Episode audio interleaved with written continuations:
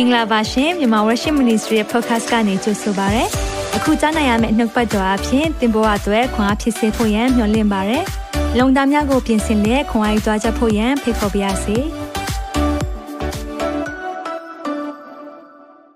အားလုံးကိုပြန်လည်ကြိုဆိုပါရစေ။ဒီနေ့သင်ကြည့်ရှုနေတာကတော့မြန်မာ Worship television အစီအစဉ်ပဲဖြစ်ပါတယ်ကျွန်တော်နာမည် David Kim လို့ခေါ်ပါတယ်ဖျာရှင်နာမ၌သင်ကိုကြိုးဆိုပါတယ်ဒီနေ့ညနှုတ်ပတ်တော်ကိုဘာအကြောင်းပြောမလဲဆိုတော့ကျွန်တော်တို့အသင်းတော်ယာရိတ်ကျမ်းထဲမှာအသင်းတော်ခုနှစ်ပါးကိုသခင်ယေရှုကစာရေးတဲ့အရာလေ့လာနေကြတာဖြစ်တယ်အဲ့ဒီထဲမှာကျွန်တော်တို့အသင်းတော်ခုနှစ်ပါးတွေကနေအာဒုတိယမြောက်အသင်းတော်ဖြစ်တဲ့ Smyrna နော် Smyrna နော်အင်္ဂလိပ်လိုတော့ Smyrna လို့ခေါ်တဲ့အဲဒီအသင်းတော်အကြောင်းကိုပြောပြောသွားမှာဖြစ်တယ်။ အဲကြောင့်မလို့ကျွန်တော်အသက်တာအားလုံးကိုလက်ဝင်နဲ့အနှံ့ရအောင်ကျွန်တော်တို့ဆူတောင်းပေးပါမိတ်ဆွေတို့လည်းကျွန်တော်ဆူတောင်းပေးမယ်။လုံသားအသီးသီးမှာဖခင်ရဲ့နှုတ်ပတ်တော်ကြားပြီးတော့အပြင်ပေါက်ဖို့ရန်အတွက်ဖခင်ရဲ့လမ်းပြခြင်းလိုအပ်ပါတယ်။သက်ရှင်သောဖာထာဝရမြတ်စွာဘုရားရှင်ကိုရောယေရှုတင်တယ်။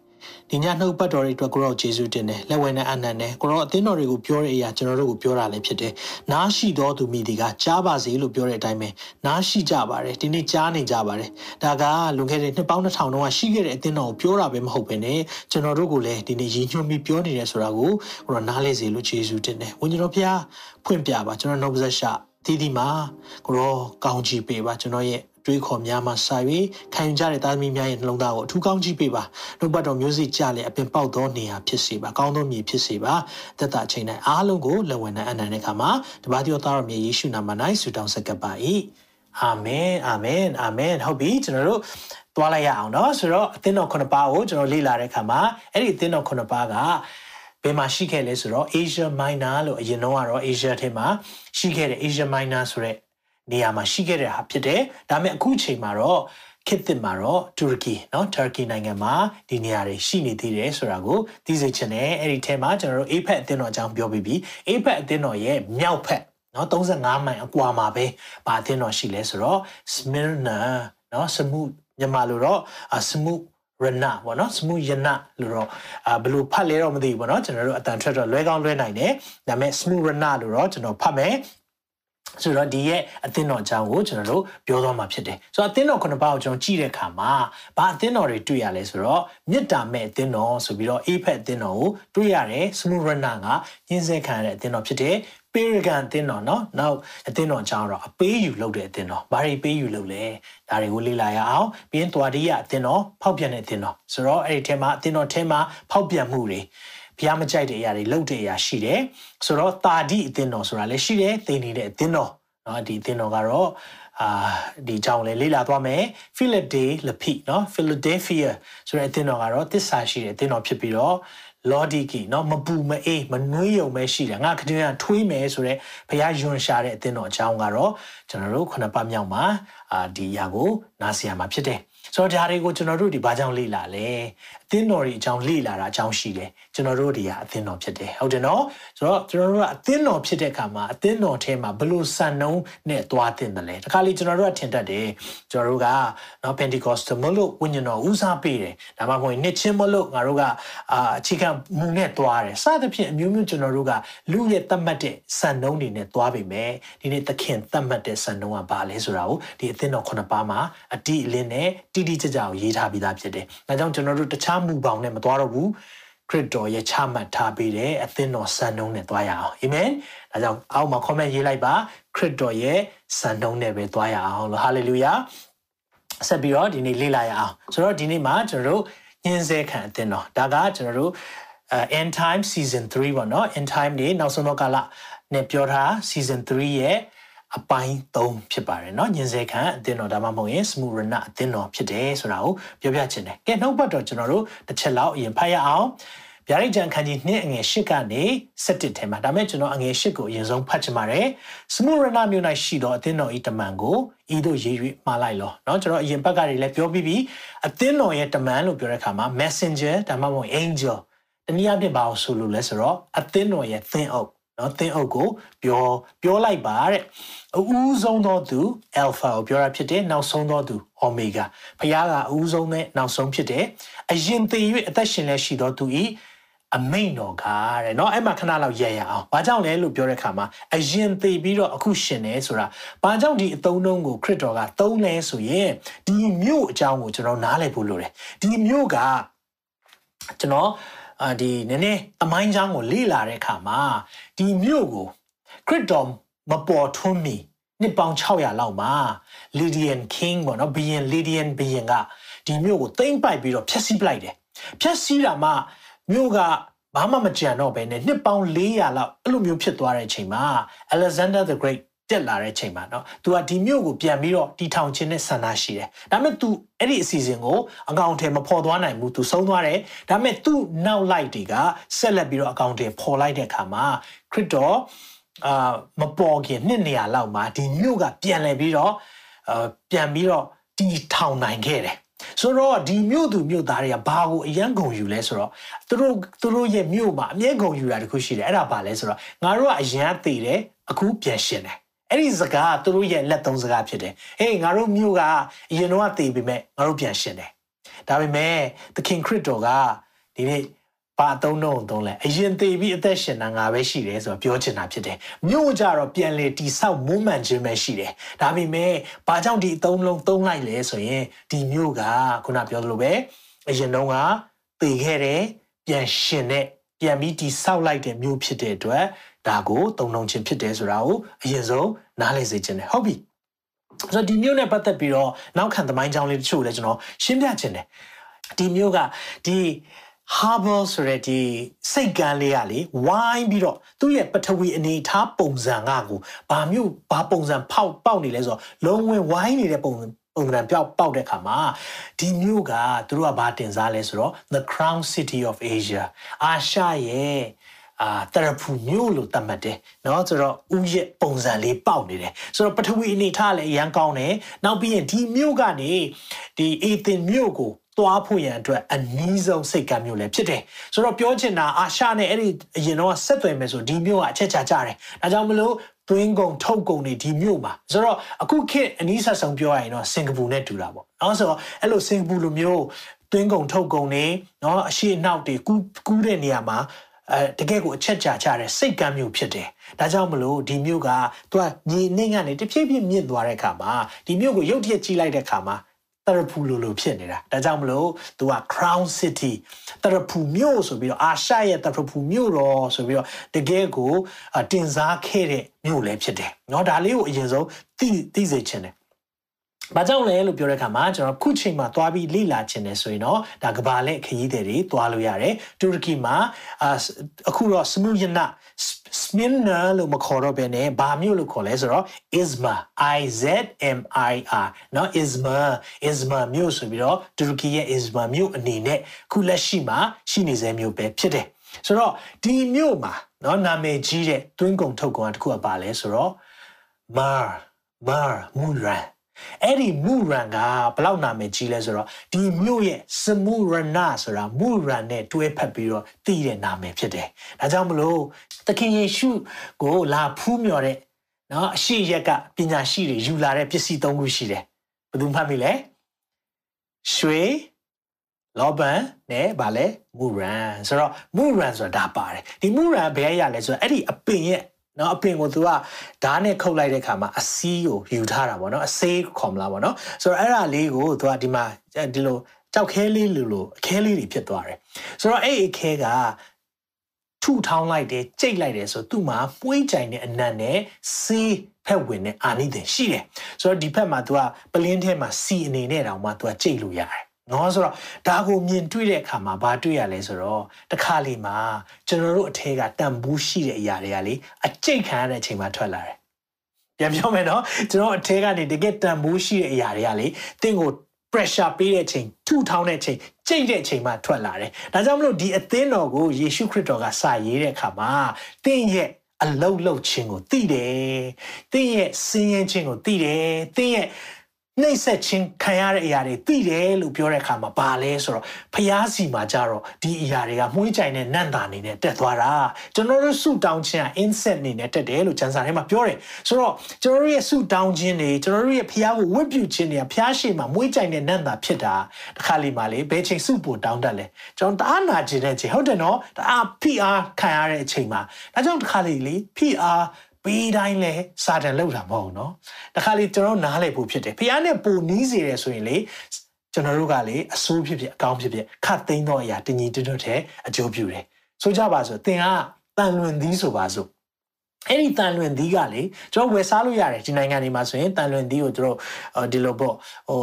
မုံငင်းမုံငင်းချင်စားတယ်လို့မျိုးကိုဒီမှာစားကြတယ်เนาะတို့ဟိုရေထဲမှာစိန်နေအချင်းထဲမှာစိန်ပြီးတော့ကျွန်တော်စားရတာတွေရှိတယ်ဒါပေမဲ့အဲ့ဒီ တန်လွင်သီးထက်လေဘာပိုတန်မိုးကြီးတယ်ထင်လဲတန်လွင်စီအဲ့ဒီစီကိုကြိတ်ပလိုက်တဲ့အချိန်မှာလေစီထွက်လာတယ်ဒါကြောင့်လေတင်းရဲ့အသက်တာတန်လွင်သီးဖြစ်နေရလေ တင့်ကိုတစ်ခါလေတချို့ကကြိတ်ပေးလိုက်မယ်နော်အဲ့လိုကြိတ်တဲ့ချိန်မှာယေရှုတင်လိုက်ပါဘာကြောင့်လဲတင့်ထဲမှာရှိတဲ့တန်ဖိုးရှိတဲ့ຢာတွေထွက်လာတယ်ဟာလေလုယာကျွန်တော်ဘသူ့ကိုဟောနေလဲတော့မသိဘူးတချို့လူတွေဒီနေ့မှာအဖိခံရတယ်လို့ခံစားနေရ pressure ပေးခံရတယ်လို့ခံစားနေရတယ်ဒါပေမဲ့တင့်ကိုခွန်အားပေးခြင်းတယ်အဲ့လိုအကြိတ်ခံရတယ်အဲ့လိုအနင်းခံရခြင်းအဖြစ်တင့်ထဲကတန်ဖိုးရှိတဲ့ຢာတွေထွက်လာတယ်ဆိုတာကိုမမေ့နဲ့ သင်ဟာစပစ်တီးဖြစ်တော့အော်ငါရဲ့စပစ်တီးလေးလှလိုက်တာငါ့ကိုအသီးသီးဖို့ဖရားလိုတော့ရှိတယ်မှန်တယ်အသီးသီးဖို့ဒါပေမဲ့အဲ့ဒီအသီးမှမဆုံးသွားဘူးဘာကြောင့်လဲအဲ့ဒီအသီးကလေပုတ်ပြတ်သွားတတ်တယ် ဒါပေမဲ့ဖះကလေအဲ့အသီးကိုလေနင်းချေပြီးတော့ကြိတ်လိုက်တဲ့အခါမှာဘာဖြစ်သွားလဲသိလားအဲ့အသီးကနေစပြည့်ကြီးထွက်လာတယ်ဟာလေလုယာပြောချင်တာပါလေသိလားကျွန်တော်ရဲ့အသက်တာမှာတစ်ခါလီမှာဒုက္ခညင်းဆဲခြင်းတို့နှိပ်စက်ညင်းပန်းခြင်းတို့ခံရရင်လေစိတ်မပြတ်နဲ့အဲ့ဒီအချိန်မှာတင့်ထဲကရှိတဲ့တကယ်တန်ဖိုးရှိတဲ့ຢာတွေထွက်လာလေရှိတယ်အာမင်ဒီနှုတ်ပတ်တော်တွေဘယ်ချိန်ကဘယ်လိုထွက်လာလဲသိလား အဖိခါတဲ့ချိန်ဒါကြောင့်ကျွန်တော်တို့ကလေဂျေစုတင်ဖို့ပဲကိုကိုနင်းလာအဲ့ချက်တော့ကောင်းကြီးပေးလိုက်ပါဟာလေလုယာဟာလေလုယာကိုကိုလာဖိနေလားကိုလာညှစ်နေလားကိုလာထုနေလားအဲ့လက်ကိုကောင်းကြီးပေးလိုက်ပါဘာကြောင့်လဲတင့်ထဲကနေတန်ဖိုးရှိတဲ့အရာတွေထွက်လာလိမ့်မယ်တင့်ထဲကနေအရင်တော့မသိထားတဲ့အရာတွေထွက်လာလိမ့်မယ်တခုတော့ရှိရနော်တခါလေကျွန်တော်တို့ကဖိလိုက်တဲ့အခါမှာအထဲကနေလေမကောင်းတဲ့အရာရှိရင်လည်းမကောင်းတဲ့အရာထွက်တတ်တယ် ဒါပေမဲ့ယုံကြည်ပါတယ်ယုံကြည်သူသားသမီးတွေအထဲကကောင်းမွန်တဲ့အရာရှိထားတယ်ဆိုရင်တော့လေသင်အထဲကနေကောင်းမွန်တဲ့အရာထွက်လာလိမ့်မယ်ဟာလေလုယာအဲကြောင့်မလို့ဒီရဲ့အသင်းတော်မှာကြီးတဲ့အခါမှာသူတို့နာမည်ကြီးတဲ့မြို့မှာအမွေနှံ့တာအဖြစ်နာမည်ကြီးတဲ့မြို့ဒီမြို့ကနေပဲဝယ်ယူလို့ရတာဒါကြောင့်မလို့ကဘာတလွားကဒီမြို့မှာလာပြီးတော့ဒီအရာတွေကိုဝယ်ယူတယ်ဒါကိုကြည့်ခြင်းအဖြစ်အသင်းတော်ထဲမှာနှိမ့်ဆက်ညင်းစေခြင်း pressure တွေပေးတဲ့အခါမှာဖိအားတွေပေးတဲ့အခါမှာတကယ်တော့အဲ့ဒီထဲကနေမွေးကြိုင်တဲ့နန္တာကြီးထွက်လာခြင်းကိုသခင်ကအတိမပြုတယ်အာမင်ဒါကြောင့်မလို့ဖိအားပေးတဲ့အခါမှာစိတ်မပြတ်နဲ့ တန်မိုးရှိတဲ့အရာထွက်လာလိမ့်မယ်ဟာလေလုယာပြောလိုက်ပါဖိအားပေးတဲ့အခါမှာစိတ်မပြတ်နဲ့တန်မိုးရှိတဲ့အရာတွေထွက်လာလိမ့်မယ်အာမင်ကြီးမြတ်တဲ့ဖခင်နာမတော်တာယေဘုံကြည်ပါစေအာမင်ဟာလေလုယာသင်တော့မသိဘူးဒီနေ့ကျွန်တော်သိခွန်အားရတယ်။ဘာကြောင့်လဲ။ဘုရားခင်ဝိညာဉ်တော်ကျွန်တော်စကားပြောတယ်။ဘာကြောင့်လဲ။ကျွန်တော်တစ်ခါလေးမှကြုံနေရတဲ့အခါမှာဘေးကျက်နန်းချက်ရှေ့လဲသွားလို့မရနောက်လဲဆုပ်လို့မရဘာလို့လို့ဘာကိုင်းမှမသိတဲ့ချိန်မှာဘာထွက်လာလဲ။ဒီနေ့ညှစ်ခါရတဲ့အခါမှာလေအထေကနေလေ ကောင်းမွန်တဲ့နှုတ်ပတ်တော်တွေထွက်လာတဲ့အခါမှာတကဘာလုံးမှာရှိတဲ့လူတွေအတွက်ကောင်းကြီးဖြစ်တယ်။ဟာလေလုယာ။ဆက်ကြည့်အောင်။ဒီမူရန်ဒီမူရန်စီကဘာအနေနဲ့သုံးလဲ။စေဖက်ဝင်တယ်နော်ကျွန်တော်တို့အနာတွေလိမ့်လို့ရတယ်နောက်တစ်ခုအဓိကသုံးတဲ့နေရာပါလဲဆိုရင်အလောင်းတွေကိုတကြိုတဲ့အခါမှာအမွှေးနှံ့တာနဲ့လုပ်တယ်နော်ဒါကြောင့်မလို့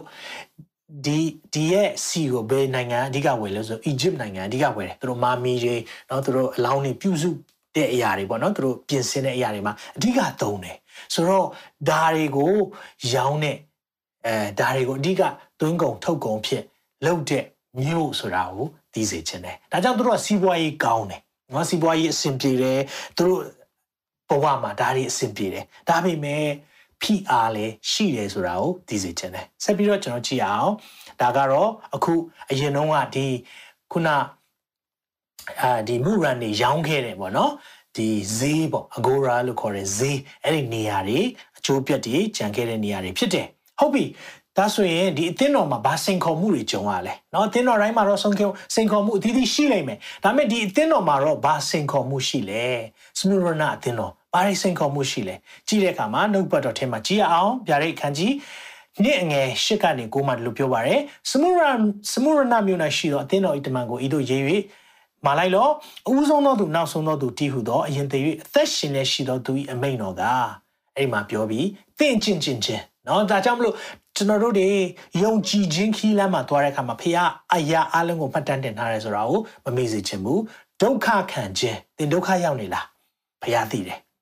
စင်းရဲခြင်းကိုငါသိ၏သင်စင်းရဲခံနေရလားသိတယ်ဒါမဲ့ဖခင်ဘာပြောလဲသို့တော်လဲ ပြောကြည့်ပါသို့တော်လဲဘာပြောလဲတင်ဒီကြွယ်ဝပြည့်စုံခြင်းရှိအာမင်ဒါကြောင့်ဖခင်ကမြင်တဲ့အမြင်နဲ့ကျွန်တော်တို့လူတွေမြင်တဲ့အမြင်လုံးဝမတူဘူးခါလေကျွန်တော်တို့ကထင်တတ်တယ်အသင်းတော်ဆိုတာနော် lighting တွေကောင်းရမယ် set တွေကောင်းရမယ်ကျွန်တော်တို့ကိုယ်တိုင်ကလည်းဒီလိုမျိုးတွေမှာပဲပါဝင်ခဲ့တော့အသင်းတော်လည်းပုံစံကိုကြည့်တဲ့အခါမှာဒါကတော့အသင်းတော်ပဲဒါကတော့နိုးထားနေတာပဲဒါကတော့ဆိုပြီးကျွန်တော်တို့ကအသင်းတော်ရဲ့ကြွယ်ဝခြင်းကိုကြည့်တဲ့အခါမှာဒီလို smooth runner လို့အသင်းတော်ဆိုရင်ရောဘာမှမရှိဘူး ဆင်းရဲတယ်။ဘာကြောင့်ဆင်းရဲလဲပြောပြမယ်။အဲ့ဒီအချိန်တုန်းကယုံကြည်သူတွေကိုအမြဲတမ်းအဲ့ဒီတုန်းကနှိမ့်ဆက်ခြင်းစေတယ်။နော်အခုလည်းမြင်စေသလိုအဲ့တုန်းကဆိုပို့ပြီးတောင်ကျင်ထားတာ။စီးပွားရေးလုပ်တဲ့ခါမှာလည်းခရီးယန်ဆိုင်ဆိုမဝယ်ဘူး။နော်ယုံကြည်သူတွေလာဝယ်မယ်ဆိုရင်လည်းမရောင်းချင်ဘူး။စသဖြင့်အဲ့လိုမျိုးလုပ်တဲ့ခါမှာအသင်းတော်ဟာသိဆင်းရဲတယ်။အဲ့လိုဆင်းရဲတဲ့အချိန်ဒါပဲလားလို့ပြောတဲ့အခါမှာအဓိကခံရတဲ့အရာလေးတစ်ခုကိုဒီမှာသခင်ကပြောထားတယ် အဲ့ဒီမှာကျွန်တော် highlight လုပ်ထားပေးတယ်ယူရလူဖြစ်ရောင်ဆောင်၍ယူရလူမှန်မဟုတ်နော်ယူရလူဖြစ်ရောင်ဆောင်၍ယူရလူမှန်မဟုတ်စာတန်၏အပေါင်းအသင်းတို့သည်သင်တို့ကိုကဲ့ရဲ့ခြင်းကဲ့ရဲ့ခြင်းပြောကြည့်ပါအင်္ဂလိပ်ကျမ်းစာမှာ slender ဆွတ်ဆွဲတာအပြစ်တင်တာ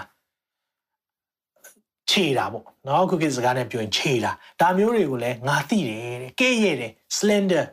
slender လုပ်တယ်ဆိုတာသပုတ်ချပြောတာ အဲ့ဒီအရာတွေကိုလည်းငါသိတယ်တဲ့အဲ့မှာယူရလူဖြစ်အောင်ဆောင်၍ယူရလူမှမဟုတ်စာတန်ရဲ့အပေါင်းအသင်းလို့ပြောတဲ့အခါမှာဒါလေးကိုအရင်ဆုံးရှင်းပြချင်တယ်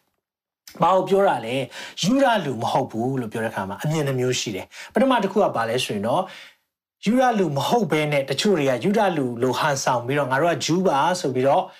ခရိယန်နေခရိယန်လည်းမဟုတ်ဘူးသူတို့ကဂျားထဲမှာနော်ရှိတယ်ဆိုတော့အဲခံယူချက်တစ်ခုရှိတယ်နော်ဆိုတော့သူက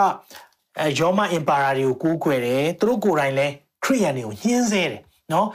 အဲ့ဒီအဖွဲ့တွေရှိသလိုတချို့ကြတော့လေတကယ်ကိုဂျူးလူမျိုးတွေဖြစ်တယ်ဒါပေမဲ့ယုံကြည်သူခရိယန်တွေမဟုတ်ခရစ်တော်ညှင်းပယ်တဲ့ဂျူးတွေရှိရနော်ဆိုတော့သူတို့တွေကြတော့ဒီအာဗြဟံဆင်းသက်ပေမဲ့မောရှေရဲ့ law တွေပဲယုံသေးတယ်နောက်ပြီး Judaism เนาะယူရဘာသာပဲဂျူးဘာသာကိုပဲကိုးကွယ်နေတဲ့အဖွဲ့တွေရှိတယ်လို့လည်းပြောတယ် ဒါမဲ့ကျွန်တော်သိတာပါလဲဆိုတော့ဒီအဖွဲ့တွေရဲ့ဘာလုပ်လဲဆိုတော့ကျွန်တော်ပြောပြမယ်နော်သိဝမ်းနေဖို့ကောင်းတယ်အခုအဲ့ဒီမြို့မှာဂျူးတွေအခြေစိုက်တယ်ဒါပေမဲ့ဂျူးလူမျိုးတွေမှာအခွင့်ထူးခံတစ်ခုရတယ်ယောမလက်အောက်မှာဖြစ်ပေမဲ့နော်ယောမအင်ပါယာမှာနေရပေမဲ့ဂျူးလူမျိုးတွေရတဲ့အခွင့်တစ်ခုတစ်ခုကဘာလဲဆိုတော့ကျန်တဲ့လူအားလုံးကစီဇာကိုစီဇာကဲတာဘီရင်ဟာဖျားဖြစ်တယ်လို့ဝင်ကိုဝင်ခံရတယ် ဒါပေမဲ့ဂျူးတွေကဝန်ခံစရာမလိုဘူးဆိုတော့ချွင်းချက်လေးရှိတယ်။နောက်ပြန်ပြောမယ်နော်လူတိုင်းကရောမအင်ပါယာအောက်မှာစီဇာဘီယင်ကိုဖျားလို့ဝန်ခံရပေမဲ့ဂျူးလူမျိုးတွေကဖျားအဖြစ်ဝန်ခံစရာမလိုတဲ့အဲသူတို့ exempt เนาะချွင်းချက်အဖြစ်သတ်မှတ်ထားတယ်။ဟုတ်ပြီဆိုတော့ဂျူးလူမျိုးတွေကဖျားလို့စရာဘာလို့ဆိုသူတို့ကငါတို့ the god of israel နော်ယူရဖျားကိုပဲကိုးကွယ်တယ်ဆိုတော့ဒီတစ်ခုလေးကိုယောမတွေကြားထဲမှာသူတို့နားလည်ခွင့်ပေးထားတယ်။ဒါကြောင့်မလို့သခင်ရှေရှုခရစ်တော်ရှိတဲ့အချိန်မှာဂျူးပွဲထုံးစံတွေပတ်သက်ခါပွဲကျင်းပတာတော့ဘာလို့ဒါတွေကိုသူတို့ခွင့်လွတ်ထားပေးတယ်လွတ်ထားပေးတယ်နော်ဒါပေမဲ့ကြံတဲ့လူတွေကြတော့စီဇာဘီရင်ဖြစ်တယ်ပြီးတော့ဖျားဖြစ်တယ်ဆိုဝန်ခံခိုင်းတယ်နောက်ပြီး dominion တော့ emperor တိုင်းယောမခေါင်းဆောင်တွေဟာဖျားဖြစ်တယ်ဆိုတော့ဝင်ကိုဝန်ခံနေရတယ်နော်ဆိုတော့ အဲ့ဒီအချိန်တွေမှာဂျူးလူမျိုးတွေကဘယ်လိုအသက်ရှင်ရလဲဆိုတော့ကဲဟုတ်ပြီအဲ့ဒီမှာရှင်ပေါလုတို့တွေအဖွဲ့တွေရဲ့ပြောင်းလဲခြင်းတွေသက်တည်ခံခြင်းတွေဧဝံဂေလိဟောတဲ့အခါမှာဂျူးတချို့ကပြောင်းလဲလာပြီအဲ့ဒီအချိန်မှာတပားမျိုးသားတွေလည်းပြောင်းလဲလာပြီအဲ့လိုပြောင်းလဲလာတော့ဂျူးထဲမှာတွေနှစ်ဖွဲ့ဖြစ်လာပြီ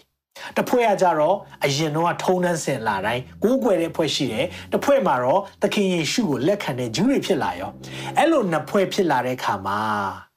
တခြားဖွဲ့ကအဲ့ဒီယူရလူတွေနော်တကယ်တော့သူတို့ကအဲသွေးသားအရာယူရလူဖြစ်ပါတယ်ဒါပေမဲ့သူတို့ကဟုတ်ပြီဘာသွားတိုင်လဲဆိုတော့ဒီဖွဲ့တွေက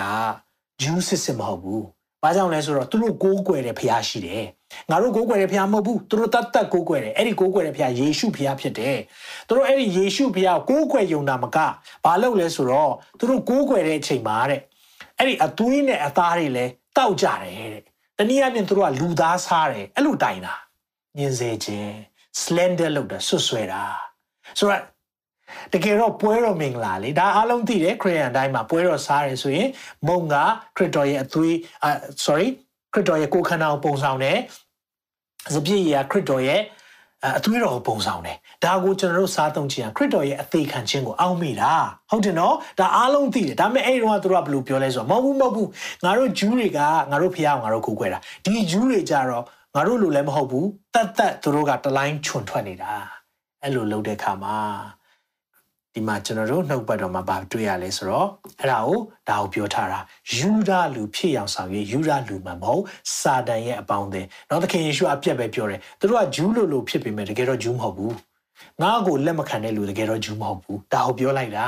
ဒီမှာပြောလိုက်တာသူတို့ရဲ့ကဲ့ရဲ့ခြင်းကိုလည်းငါသိတယ်တဲ့နောက်ပြီးရင်သူတို့ကဘာပြောလဲဆိုဟာဒီအဖွဲ့တွေကစူစည်းပြီးတော့သူတို့ကသူတို့ညီညီကိုချင်းညီမနော် brother sister လို့ခေါ်ကြတယ် တနည်းအားဖြင့်သူတို့ကသူတို့မိသားစုတွေကိုကြီးမဆိုင်ဘူးဘာကြောင့်လဲဆိုတော့ယောမခစ်ထဲမှာယောမတွေကမိသားစုကိုတအားတန်ဖိုးထားတာဆိုတော့မိသားစုကိုတန်ဖိုးမထားသလိုမျိုးသူတို့တွေကို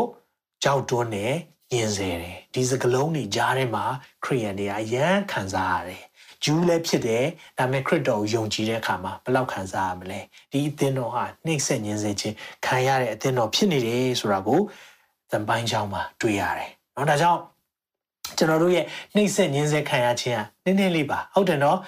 အတင်းတော့သွားလို့တယောက်ကစကားမပြောတာနှုတ်မဆက်တာနဲ့ကျွန်တော်တို့နှိမ့်ဆက်ညင်းစေတာမဟုတ်ပါဘူးเนาะသူတို့ဘာဖြစ်နေလဲသူတို့သူတို့မိသားစုထဲမှာဘလို့ကြုံရလဲဆိုကိုမသိနိုင်ဘူးဒါကြောင့်မလို့ကျွန်တော်တို့တွေရဲ့အမြင်တွေအများကြီးဒီနှုတ်ပတ်တော်အဖြစ်ပြောင်းလဲလာမယ်လို့ကျွန်တော်ယုံကြည်တယ်เนาะဟုတ်ပြီတစ်ချက်ကြည့်တဲ့အခါမှာနောက်သူတို့ကြုံတွေ့ရတဲ့တခြားအာဒုက္ခဆင်းရဲခြင်းတစ်ခုကဘာလဲဆိုရင် ဗျာဒိတ်နှစ်30မှာဘာပြောလဲဆိုတော့တင်ဒီခံရမယ့်အရာတစ်စုံတစ်ခုကိုများမကြောက်နဲ့မကြောက်ပါနဲ့အာမင်ဘုရားကျွန်တော်တို့ပြောတယ်မကြောက်နဲ့မကြောက်နဲ့ဒါပေမဲ့ तू ဘာပြောသေးလဲဆိုတော့သင်တို့ဒီစုံစမ်းခြင်းကိုခံရမိအကြောင်းမာနသည်သင်တို့တွင်အချို့ကိုထောင်ထဲ၌လောင်ထား၍သင်တို့သည်ဆယ်ရက်ပတ်လုံးဒုက္ခဆင်းရဲကိုခံရလိမ့်မည်ကဲဖះကြိုပြောတယ်နော်ဒါပေမဲ့အမှဆယ်ရက်လို့ပြောတဲ့အခါမှာ yes ဆယ်ရက်ကိုပြောတာတဲ့ အချိန်ကာလ အတူတစ်ခုလို့ဆိုလိုတာဖြစ်တယ်เนาะဒါကြောင့်မလို့အချိန်ကာလတစ်ခုအတွင်းမှာ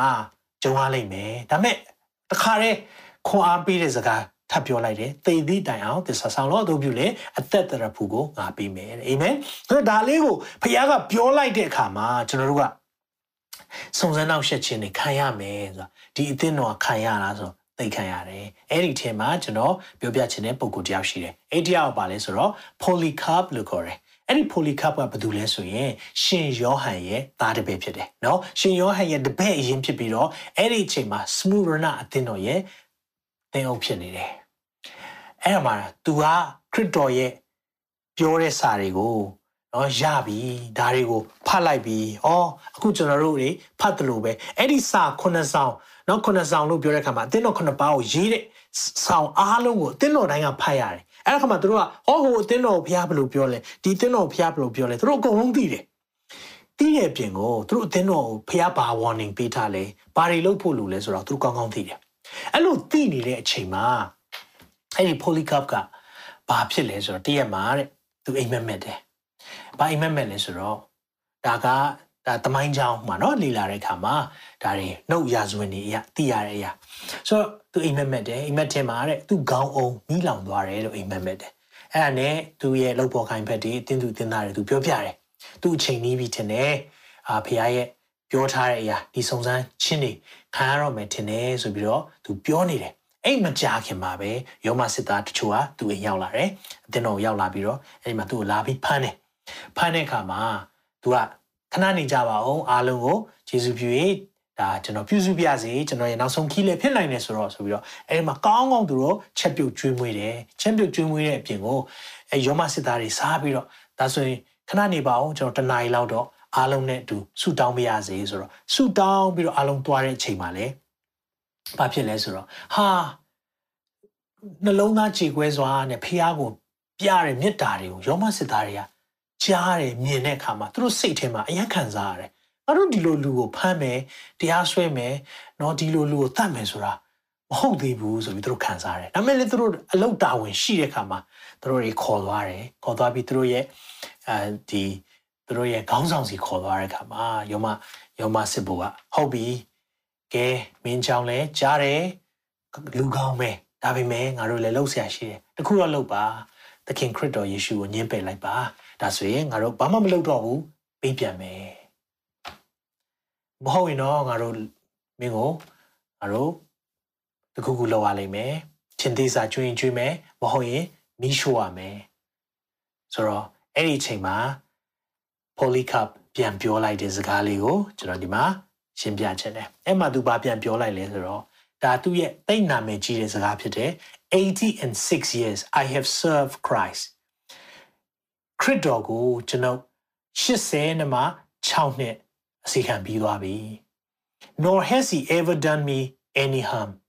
ကျွန်တော်ကိုဘယ်အချိန်ကမှနာကျင်အောင်အနေရှိအောင်မပြုခဲ့ဘူး how then ဒီလိုဆိုရင် could I blaspheming my king who saved me ကျွန်တော်ကိုကယ်တင်တဲ့အရှင်သခင်ကိုဘာလို့ပြစ်မှားနိုင်မှာလဲအဲ့မှာထပ်ပြောတယ် I bless thee for dying me worthy of this day အခုလိုမျိုးကျွန်ုပ်နာကျင်စွာသေရမယ့်အရာထိုက်တန်ခြင်းနဲ့သေရတာဖြစ်တယ်နော်ဒါကိုသူပြောပြီးတော့ in this hour that I may be among thy mothers and drink the cup of the Lord Jesus Christ ယေရှုခရစ်တော်ရဲ့နာကျင်ခြင်းခွက်ကိုလည်းတောက်ခွင့်ရသလိုကျွန်တော်လိုပဲအာဇာနေမာတုရအနေနဲ့တည်သွားတဲ့သူများအတွက်ကိုလည်း ဒီအချိန်မှာသူတို့နဲ့ဝေမျှခွင့်ရလို့ဂုဏ်ယူတယ်သူအဲ့ဒီစကားကိုပြောသွားတယ်ဒါကျွန်တော်တို့မြင်တွေ့တဲ့အခါမှာကျွန်တော်တို့ရဲ့ယုံကြည်ခြင်းကိုလေအယံကင်လုပ်တယ် faith နဲ့ faithfulness ဆိုတာပြောပြချင်တယ်ယုံကြည်ခြင်း faith faithfulness သစ္စာရှိခြင်းဒါမဲ့ Greek မှာကအဲ့ဒီစကားနှလုံးလို့ကျွန်တော်တို့မြင်ပေမဲ့ ယုံကြည်ခြင်းနဲ့သစ္စာရှိခြင်းဆိုတာကျွန်တော်မြန်မာလိုဆိုရင်လည်းအတိတ်ပဲနှမျိုးပဲမဲ့ Greek မှာတစ်မျိုးတည်းပဲဖြစ်တယ်စကားလုံးတစ်လုံးပဲဖြစ်တယ်ပြောချင်တာပါလဲတကယ်ယုံကြည်ရင်တကယ်သစ္စာရှိတယ်ပြန်ပြောမယ်နော်တကယ်ယုံကြည်ရင်တကယ်သစ္စာရှိတယ်သင်ခရစ်တော်ကိုတကယ်ယုံကြည်ရင်တကယ်သစ္စာရှိတယ်တကယ်တော့သစ္စာမရှိဘူးဖောက်ပြန်ခြင်းတွေဖြစ်တယ်ဆိုတာတကယ်မယုံလို့ဘာကြောင့်လဲ faith နဲ့ faithfulness ကစကားတစ်လုံးနဲ့ပဲဖြစ်တယ်အတိတ်ပဲတစ်ခုတည်းပဲဖြစ်တယ်ဒါကိုမြင်တွေ့တဲ့အခါမှာကြည်ပါအောင်အဲ့ဒါသူ့ကိုဘာပြန်လုပ်လဲ အဲ့မှာသူ့ကိုမီးရှို့ဖို့လုပ်တယ်အဲ့ဒီအချိန်မှာသူ့ကိုအားလုံးငါ့ကိုကျိုးပဲချီပါတဲ့ရတယ်ငါ့ကိုပတ်စရာမလိုဘူးငါမပြေဘူးတဲ့အဲ့ဒီအချိန်မှာသူ့ကိုမီးရှို့တဲ့အခါမှာတဲ့အဲ့မှာနှုတ်ရဆိုရင်ရဘာတီးရလဲဆိုတော့မီးကသူ့ကိုမလောင်ဘူးတဲ့လေအရန်တိုက်တဲ့အခါမှာမီးကသူ့ကိုအဲ့လိုမျိုးဝိုင်းနေတယ်လို့ပဲဖြစ်ပြီးတော့လေတိုက်တဲ့အခါမှာသူ့ကိုလောင်လို့မရဘူးတဲ့အဲ့လိုဖြစ်တဲ့အခါမှာနောက်ဆုံးကြတော့သူ့ကိုအဲ့ဓာတ်နဲ့ပဲထိုးတက်လိုက်ပါဆိုပြီးတော့အဲ့ဒီမှာဓာတ်နဲ့ထိုးတက်လိုက်ရတယ်ဆိုတော့သိရတယ်။ဒါ အောင်မြင်တွေ့တဲ့အခါမှာဒါကိုကြားသိတဲ့အခါမှာမိတ်ဆွေဘယ်လိုခံစားရလဲ။ကျွန်တော်ကြည့်တဲ့အခါမှာဒါမာတူတာအာဇာနီကဲ့သို့သိတာ။ဘာကြောင့်လဲ။ तू သင်ပေးသွားတယ်။ faith နဲ့ faithfulness သစ္စာရှိခြင်းနဲ့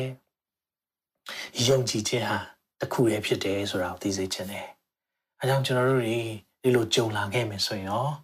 အခုချိန်အသင်းတော်မဖွင့်ရတော့ဘူး။ဒါပေမဲ့ကျွန်တော်တို့တွေအသင်းတော်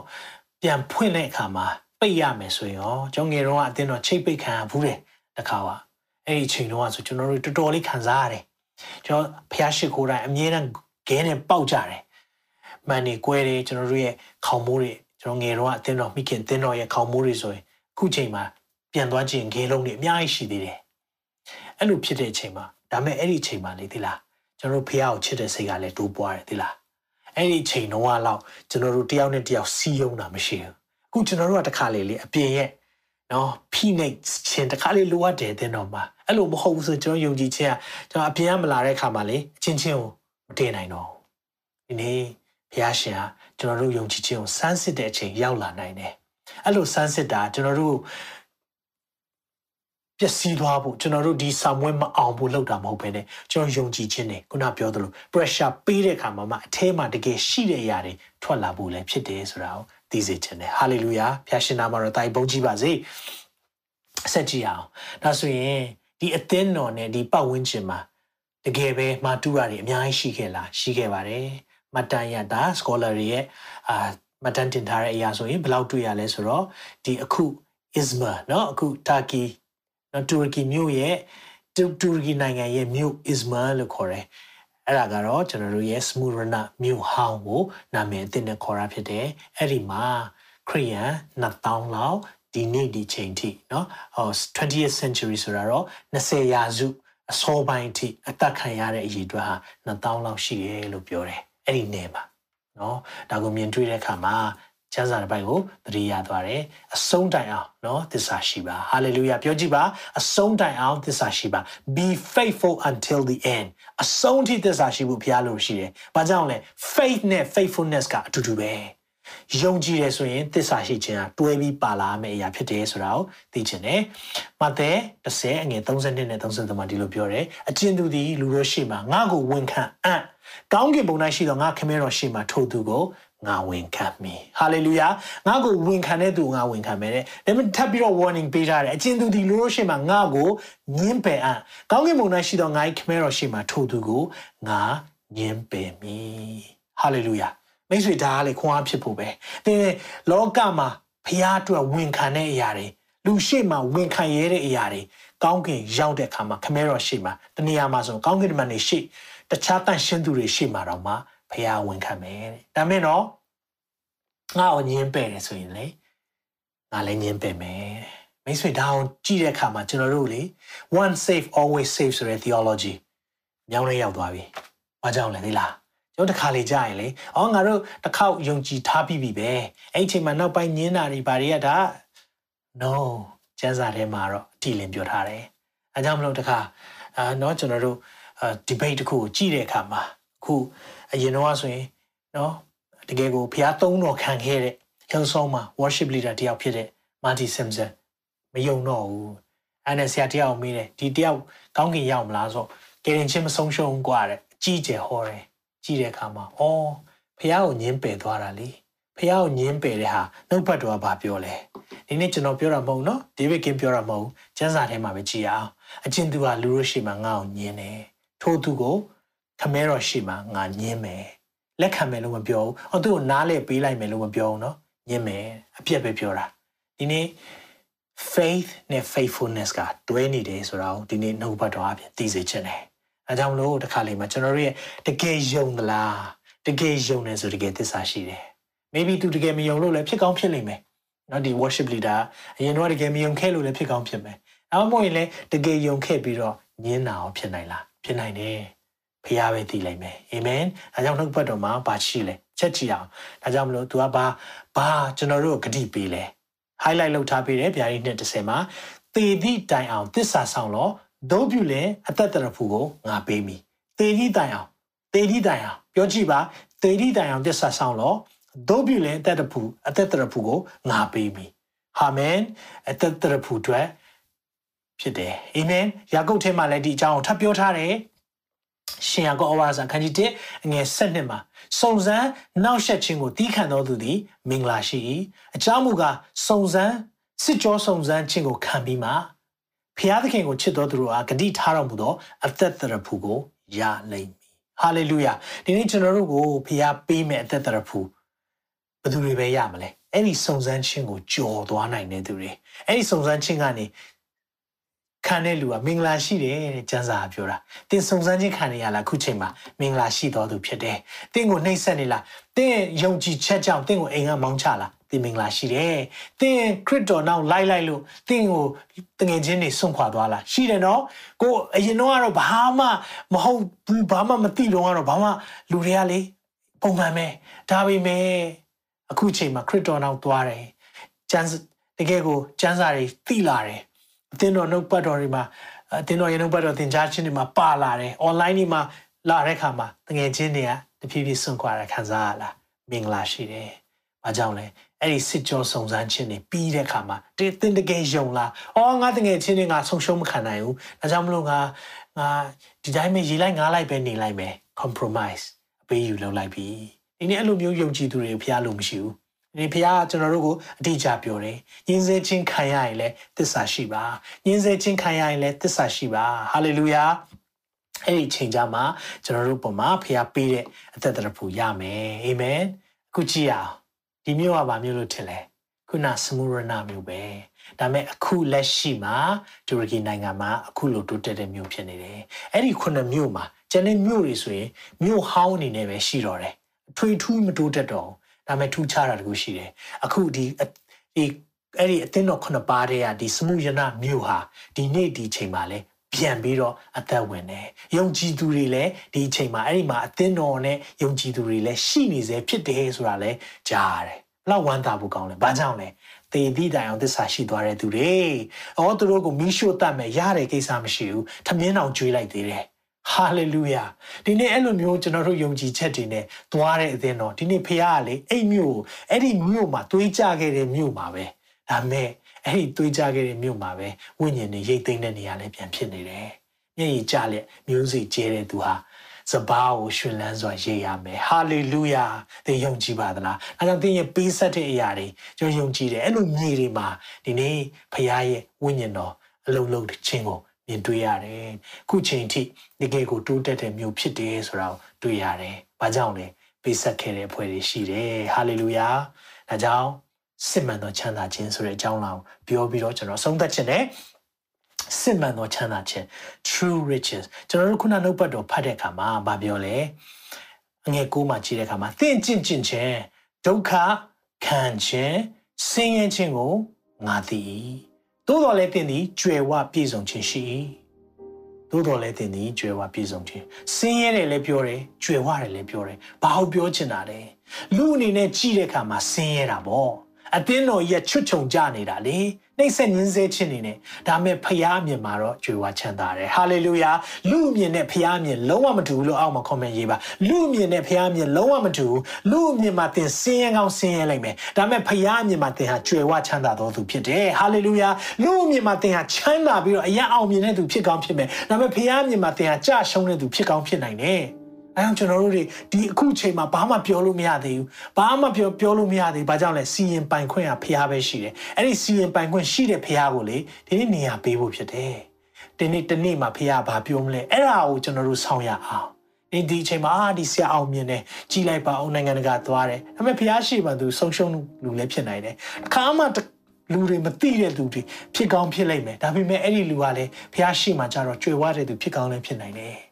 အာမင်ဒါကြောင့်ကျွန်တော်တို့နှလုံးသားတွေအမြဲပြင်ဆင်ဖို့လိုတာနှလုံးသားတွေအမြဲတမ်းကျွန်တော်တို့တွေဘုရားရှိမှငါဘုရားခိုင်းတာတကယ်လုပ်ရလားဘုရားတကယ်ဖြစ်စေခြင်းနဲ့ဘုရားဆန္ဒတကယ်ပြည့်စုံစေရလားဒီရဲ့အမှုဆောင်ခြင်းကိုပဲဘုရားကအလိုရှိတယ်ဆိုတာကိုနားလည်ရတယ်ဒီနှုတ်ပတ်တော်ကျွန်တော်ပြောပြချင်တယ်ရှင်လုကာထဲကပါတဲ့ခရစ်တော်ကိုယ်တိုင်ပြောခဲ့တဲ့ပုံဥပမာလေးဖြစ်တယ်ရှင်လုကာခရစ်ဝင်ကျမ်းခန်းကြီး7နှစ်အငယ်73ကနေ15မှာလို့ပြောလဲဆိုတော့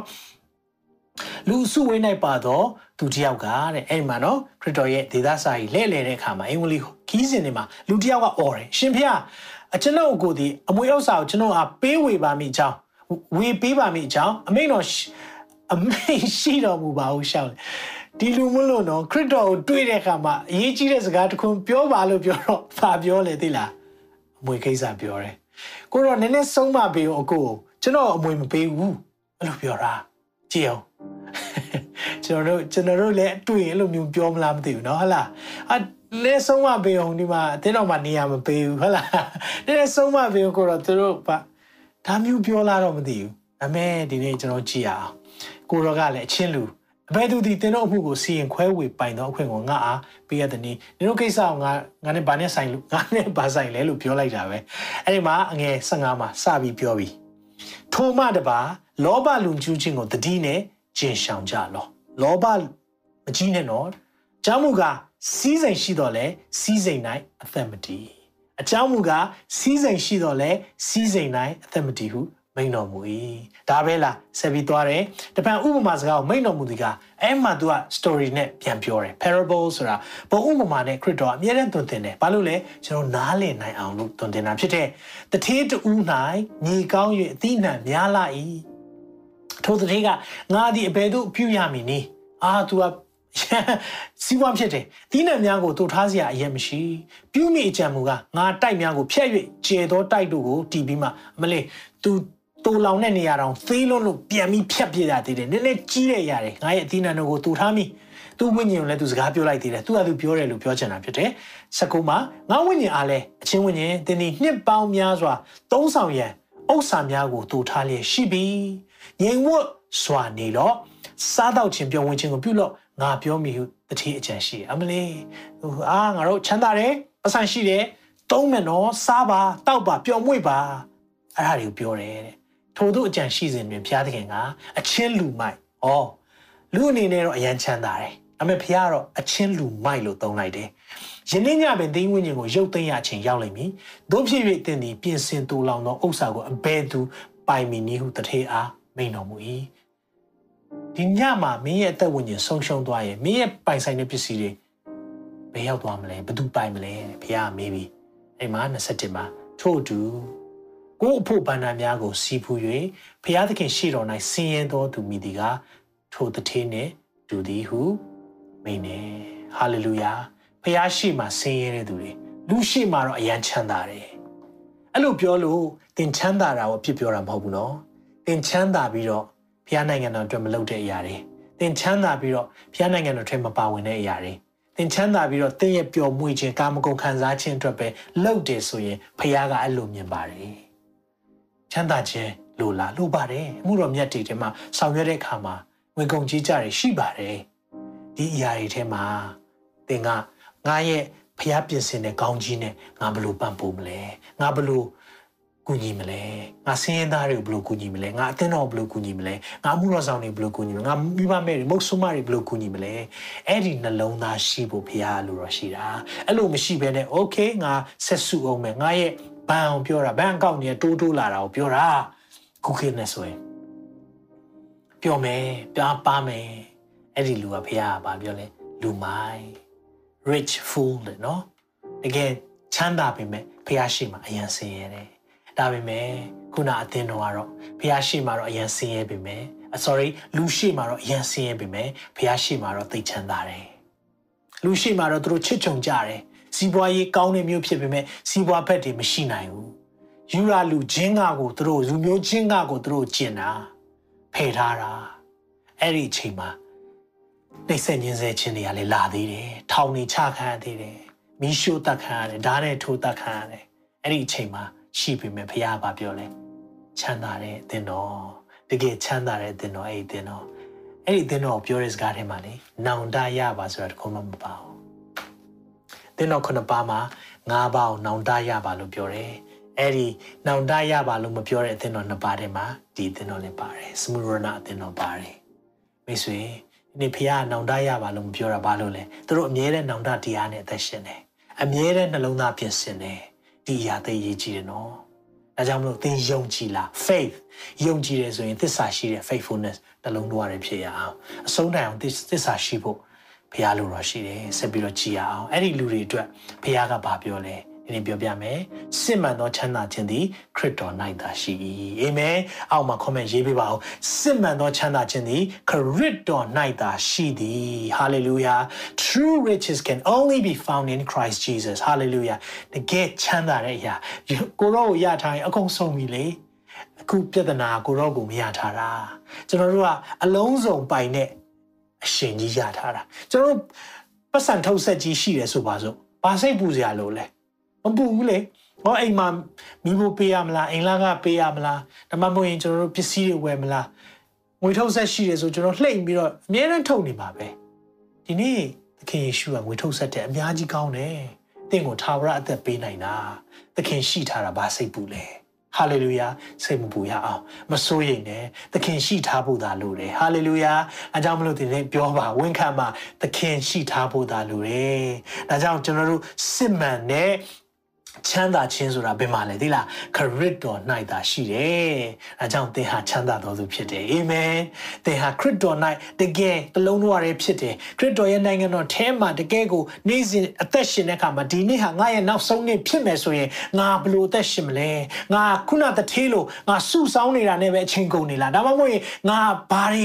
ခရစ်တော်နိုင်ငံတော်အတွက်လုံးမလဲ။အဲ့လိုစဉ်းစားတဲ့သူတွေဟာ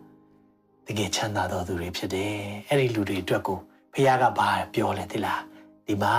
ဒါလေးနဲ့အဆုံးသတ်မယ်ဝိညာဉ်တော်သည်အသင်းတော်တို့အားအဘယ်သို့မိန့်တော်မူသည်ကို နားရှိတော်သူမိသည်ကကြားပါစေသင်နားရှိရဆိုတဲ့နေ့ကြားပါစေအဲ့မှာဆက်ပြောတယ်အောင်မြင်တော်သူကိုဒုတိယသိခြင်းသည်မငင်းစေရပထမသိခြင်းဆိုတာအသက်ကျွန်တော်တို့အခုပထမသိခြင်းကိုလူတိုင်းကြုံရမယ်ဘယ်သူမှကြော်လွန်လို့မရအောင်ပထမသိခြင်းအခုကျွန်တော်တို့ခန္ဓာနဲ့ ဝိညာဉ်ကွဲကွာတဲ့အချိန်ဟာပထမသိခြင်းဖြစ်တယ်ဒါပေမဲ့အဲ့ဒီမှာဒုတိယသိခြင်းဆိုတဲ့အရာရှိသေးတယ်အဲ့ဒီဒုတိယသိခြင်းကတော့သခင်ယေရှုခရစ်တော်ကိုကယ်တင်ပိုင်ရှင်နဲ့ရှင်သခင်ဖြစ်မရထားဘူးလက်မခံထားဘူးခရစ်တော်ရဲ့ပြင်ဆင်ပေးတဲ့ကားတိုင်းလမ်းကိုမသွားထားဘူးဆိုရင်တော့အဲ့ဒီဒုတိယသင်ခြင်းကိုကြုံရလိမ့်မယ်အဲ့ဒီဒုတိယသင်ခြင်းအကြောင်းကိုလည်းကျွန်တော်အနေငယ်ဒီမှာပြောပြချင်တယ်အဲ့ဒါပါလဲဆိုတော့ဗျာဒိ21တဲမှာကွက်ကွက်ကွင်းကွင်း ပြောထားတယ်အမှုပြီးပြီးငါသည်အာလဖာဖြစ်သည်အောမီဂါလည်းဖြစ်၏အစနဲ့အဆုံးလည်းဖြစ်သည်ရေငတ်တော်သူအားအသက်ဆန်းရည်ကိုအဖုံးမြူပဲငါပေးမည်ဟာလေလုယာရေငတ်တဲ့သူတွေဒီနေ့နှုတ်ပတ်တော်ငတ်တဲ့သူတွေဖျားနှုတ်ပတ်တော်နဲ့ဝါပြောရတဲ့အခွင့်ပေးပါစေဟာလေလုယာအောင်မြင်တော်သူပြောကြည့်ပါအောင်မြင်တော်သူအောင်မြင်တော်သူသည်ဤရက်ကိုအမွေခံရလိမ့်မည်ငါသည်သင်၏ဖျားသခင်ဖြစ်မည်သူသည်လည်းငါ၏သားဖြစ်လိမ့်မည်ဖခင်ကလေကျွန်တော်တို့ကိုတကယ်သား အရာသမီးအရာမှာထားတဲ့သူဖြစ်တယ်ကြောက်တတ်တော်သူအဲ့ဒါကြောက်တယ်ဆိုတာ coward ဆိုတာကတရေဘောကြောင်တာကိုပြောတာဖြစ်တယ်နော်တရေဘောကြောင်တာတယ်မယုံကြည်တော်သူဆက်ဆုပ်ယွန်ရှာဖွေတော်သူလူအသက်ကိုတတ်တော်သူမတရားသောမိထုံနိုင်မိဝဲတော်သူပြုစားတတ်တော်သူရုပ်ထုကိုကိုးဝဲတော်သူတစ္ဆာပြတ်တော်သူအပေါင်းတို့မူကားဘာလို့ခံရမလဲဒုတိယသိချင်းတည်ဟူသောကန့်နစ်လောင်သောမိအိုင်ထင်၌သူတို့အဖို့ကိုရကြလိမ့်မည်မိတ်ဆွေကြည့်တဲ့အခါမှာသိကြောက်ဖို့ကောင်းတယ်ဒီမှာကြည့်တဲ့အခါမှာ မိအိုင်ထဲမှာတဲ့ကျွန်တော်တို့ကိုဘယ်သူတွေကိုထားမလဲအဲ့မှာကြည်လိုက်ပါ ပြူစားတတ်လားရုပ်တုကိုကိုးကွယ်နေစေလားတစ္ဆာပြက်နေစေလားမတရားသောမိထုံမှာမိဝဲနေစေလားလူအသက်ကိုတတ်တော်သူလားဆက်ဆုပ်ရွံရှာဖွယ်တော်သူလားမယုံကြည်တော်သူလားတရေဘောကြောင်နေသူလားအဲ့ဒီသူတွေဘာဖြစ်မလဲဒုတိယသိခြင်းနဲ့သွားမယ်ဒါမဲ့ ခရစ်တော်ကိုကယ်တင်ပိုင်ရှင်နဲ့အရှင်သခင်ဖြစ်လက်ခံတဲ့သူတွေကတော့ဘာဖြစ်လဲဆိုတော့ဒါလေးနဲ့ဆုံးသတ်မယ်ရှင်ယောဟန်ဩဝါဒစာပထမဆုံးခန်းကြီး9ငယ်၄နဲ့9မှာဒီလိုပြောပါရယ်ဖျားသခင်ဤသားဖြစ်တော်သူမိဒီကလောကကိုအောင်တတ်၏လောကကိုအောင်ခြင်းအကြောင်းမူကားငါတို့ဤယုံကြည်ခြင်းပေသည်ယေရှုသည်ဖျားသခင်သားတော်ဖြစ်သည်ကိုယုံကြည်သောသူမှတပါအာမင်ထပ်ပြောမယ်နော် ယေရှုသည်ဖျားသခင်သားတော်ဖြစ်သည်ကိုယုံကြည်သောသူမှတပါ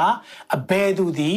လောကကိုအောင်သည်။ဒါကြောင့်အောင်မြင်သောသူဘယ်သူလဲ overcome ဘယ်သူလဲဟို victorious ဘယ်သူလဲပြောတဲ့အခါမှာဘယ်သူတွေလဲ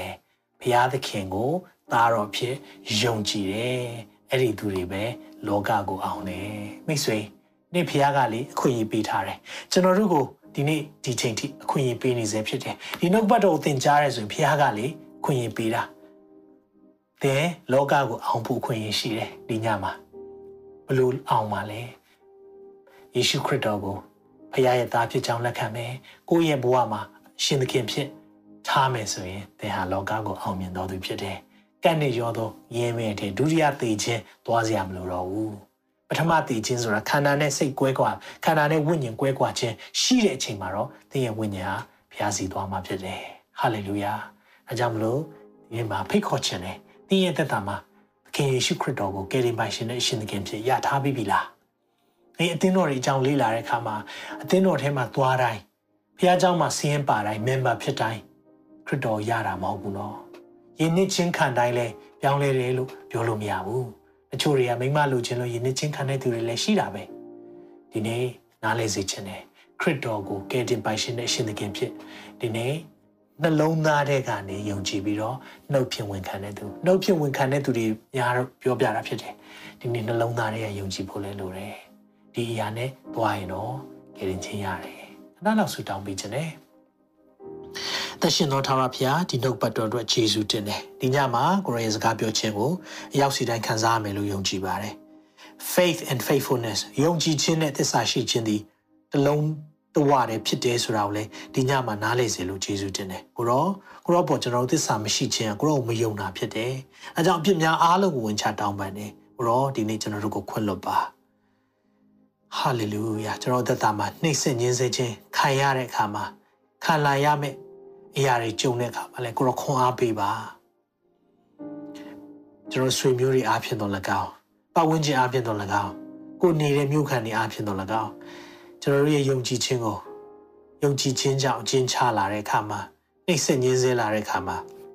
ကိုရောပေါ်မှာသစ္စာမပြတ်သွားပါမိကြောင်းစမှုယနာအတင်းတော်ကဲ့သို့အသက်ရှင်တော်အတင်းတော်ဖြစ်တဲ့အခါမှာကိုရောဟာကြွယ်ဝတော်အတင်းတော်လို့မြင်တဲ့အခါမှာကိုရောရဲ့ကြွယ်ဝခြင်းကိုနားလေသိရှိရလို့ယေရှုတင်တယ်ကိုရောဒီနေ့ပညာရှိသူတို့သမီးဖြစ်ခြင်းတယ်ပညာမဲ့တဲ့တတိကဲ့သို့စားမယ်တောင်းမယ်ပျော်ပါမယ်ဆိုတဲ့စိတ်နဲ့ပဲသွားခြင်းမဟုတ်ပဲနဲ့ နှလုံးသားပြင်ဆင်တော်သူများဖြစ်ဖို့ရန်အတွက်ဒီနေ့မှာကိုရောဖျားရှင်တယောက်ချင်းစီတိုင်းကိုကောင်းချီးပေးပါဒီထဲမှာတချို့လူတွေအတွက်လည်းခွင့်ရပေးခြင်းနဲ့ခရစ်တော်ကယ်ရီပိုင်ရှင်နဲ့အရှင်သခင်ဖြစ်လက်ခံခြင်းနဲ့ဆိုရင်ကျွန်တော်ကလိုက်ဆိုပေးပါသခင်ယေရှုဖျားလိုက်ဆိုပေးပါသခင်ယေရှုဖျားကျွန်ုပ်ဟာအပြစ်သားဖြစ်ပါတယ်အပြစ်အားလုံးအတွက်ဒီနေ့ညမှာနောင်တရပါတယ်သခင်ယေရှုရဲ့လက်ဝါးကားတိုင်းပေါ်မှာအသေးခံခြင်းအသွေးသွင်းခြင်းအဖြစ် ကျွန်ုပ်အပြစ်အားလုံးကိုစေကြောကြောင်းကိုယုံကြည်ပါတယ်သခင်ယေရှုဖျားကျွန်ုပ်နှလုံးသားထဲမှာအရှင်သခင်ဖြစ်အုပ်ဆိုပါကိုရောကိုနေရာပေးပါတယ်သခင်ယေရှုနာမ၌ဆုတောင်းပါ၏အာမင်အာမင်သင်ဒီဆုတောင်းချက်ကိုတောင်းနေဆိုရင်နှလုံးသားထဲကနေယုံကြည်ပြီးတော့နှုတ်ဖြစ်ဝင်ခံရဆိုရင်သင်ငယ်လေးချင်းရတယ်။သင်ဟာအောင်မြင်တော်သူဖြစ်တယ်။အဲ့ဒီအောင်မြင်တော်သူတွေအတွက်ဘုရားရဲ့ထားတဲ့ဆုလက်တွေရမှာဖြစ်တယ်ဆိုတာကိုဒီနေ့ညမှာ ဟောကြားခြင်းပါတယ်။ယုံကြည်ပါတယ်။သင်ရဲ့အသက်တာမှာဘုရားစကားပြောမယ်လို့ယုံကြည်ပါတယ်။ဘုရားရှင်ကောင်းချီးပေးပါစေ။တင်ခုလိုနာဆင်ခွန်အားနိုင်ခြင်းဟာမြန်မာ Worship Ministry ကိုလာဆင်ပန်ပိုးနေကြတဲ့ Kingdom Partners များအကြောင်းဖြစ်ပါတယ်။ဖျားခင်နိုင်ငံတော်ကျယ်ပြန့်ရေးအတွက်လာဆင်ပေးကမ်းပောင်းဖို့ရန်ဖိတ်ခေါ်လိုပါတယ်ရှင်။